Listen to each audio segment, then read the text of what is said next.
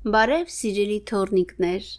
Այսօր ձեր հեքիաթի տատիկը կկարդա մի նոր հեքիաթ։ Մուկն ու կատուն գրիմ եղբայրներ։ Կար չկար մի խորամանկ կատու կար։ Եվ կար մի միամիտ մուկ։ Մուկը ապրում էր եկեղեցու խորանի տակ, իսկ կատուն ապրում էր զանգակատ տանը։ Կատուն իրեն շատ միայնակ էր զգում եւ նա մի օր որոշեց զանգահարել մկնիկին։ Մկնիկ քույրիկ, մկնիկ քույրիկ, մռ մկնիկ քույրիկ, արի միասին ապրենք, ես քեզ համար համեղ կերակուրներ կպատրաստեմ, իսկ երբ հիվանդանաս, քեզ կբուժեմ, հմ, ինչ կասես։ Ահա, մտածեց Մուկը։ Ջրի պանիրը թակարտում է լինում եւ մերժեց կատվին։ Բայց կատուն այնքան խնդրեց, այնքան համոզեց, որի վերջո Մուկը խապվելով կատվի բարի ժպիտին համաձայնվեց։ Մուկը վերցրեց իր ճամփրուկները եւ տեղափոխվեց զանգակատուն կատվի մոտ ապրելու։ Մուկն ու կատուն իրենց խնայողությունները միացրեցին եւ մի կճուճ յուղ գնեցին ձմեռվա համար,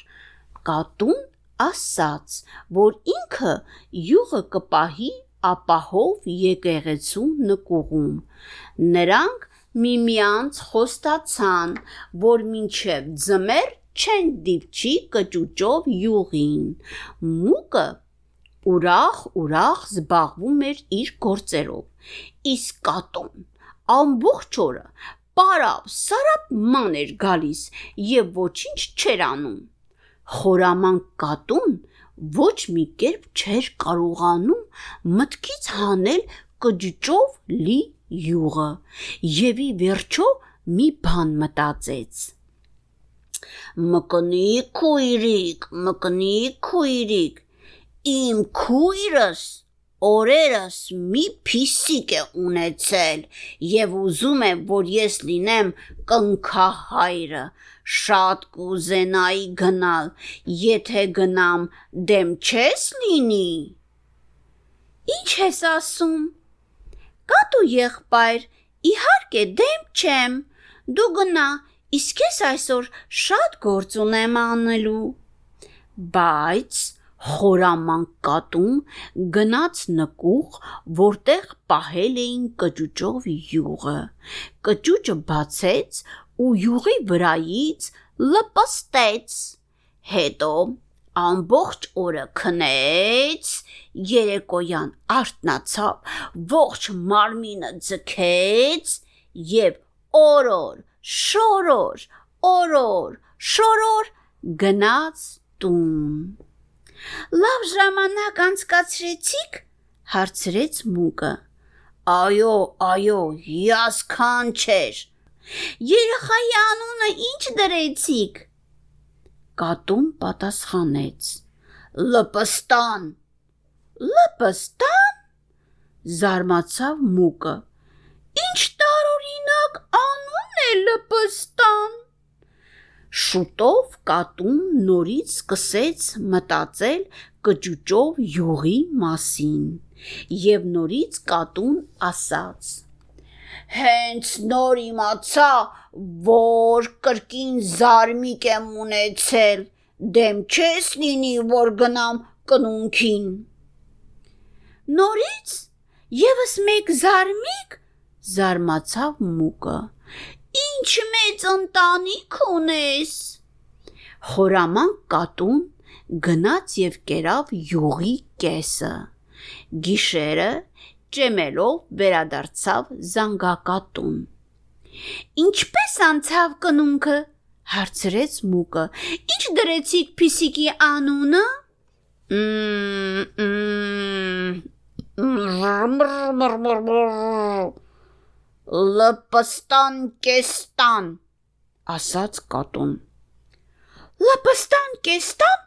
զարմացավ մուկը։ Երբեք նման անուն չեմ լսել։ Բայց կատուն արդեն քնել էր։ Շատ չանցած խորամանկ կատվի սիրտը նորից յուղ ուզեց։ Մռ մռ մռ մռ մռ Մկնի քույրիկ, չես հավատա, բայց էլի եմ ես սանիկ ունեցել, գիտես, չեմ կարող չգնալ կնունքին, ասաց կատուն։ Մկնի քույրիկն այս ամենին շատ տարօրինակ թվաց եւ մկնիկը, քանի որ շատ բարի էր, հավատում էր խորամանկ կատվին։ Նա այս անգամ էլ մեծահոգաբար ճանապարեց կնունքին։ Իսկ կատուն արագ-արագ իջավ աստիճաններով եւ մտավ նկուղ միջև վերջ կերավ յուղը եւ լպստեց կճուճը լրիվ միջև վերջ այդ գիշեր նա շատ ուշ վերադարձավ զանգակատուն այս անգամ Ինչ տարօրինակ անուն դրեցիք Փիսիկին, հարցրեց Մուկը։ Բան այն է, որ ամբողջ օրը զանգակատան զանգերից ուղակի կատվի գլուխը սկսել էր ցավալ։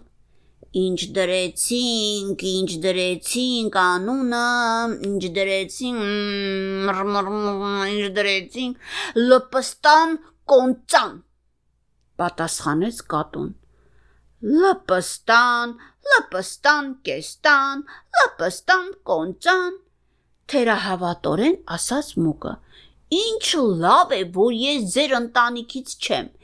Ես չէի կարող նման տարօրինակ անունների հետ հարմարվել։ Նա գնաց քնելու։ Ձմեռը եկավ, մուկը սկսեց մտածել խորանի տակ պահված կճուճով յուղի մասին։ Կատու եղբայր, ասաց մուկը մի ցուրտ առավոտ։ Կարծում եմ արդեն յուղի կճուճը բերելու ժամանակն է։ Մմ, դե կտեսնենք, մտածեց կատուն։ Եվ մուկը գնաց նրա հետևից, մուկը դուրս բերեց կճուճը եւ տեսավ, որ կճուճը ամբողջովին դատարկ է։ Ինչի մարնեմ ես։ Լաց եղավ նա։ Ես հիմա եմ հասկանում, թե ինչքան ենք կատու ես դու։ Այ լպստան, այ լպստան կեստան, այ լպստան կոնցան, այ խորամանկ կատու։ Այսպիսին ենք մենք կատուներս ասաց անկուշտ կատուն եւ թաթը մեկնեց որ ճանկի մկանը բայց մուկը շատ արագաշարժ էր նա մի ակնթարթում մտավ իր փոքրիկ բույնը խորանի տակ այլևս մուկը չհավատաց կատուներին երբեք ու երբեք Անցան օրեր, եւ կատուն շատ զղջաց իր արարքի համար։ Նա սիրել էր մկանը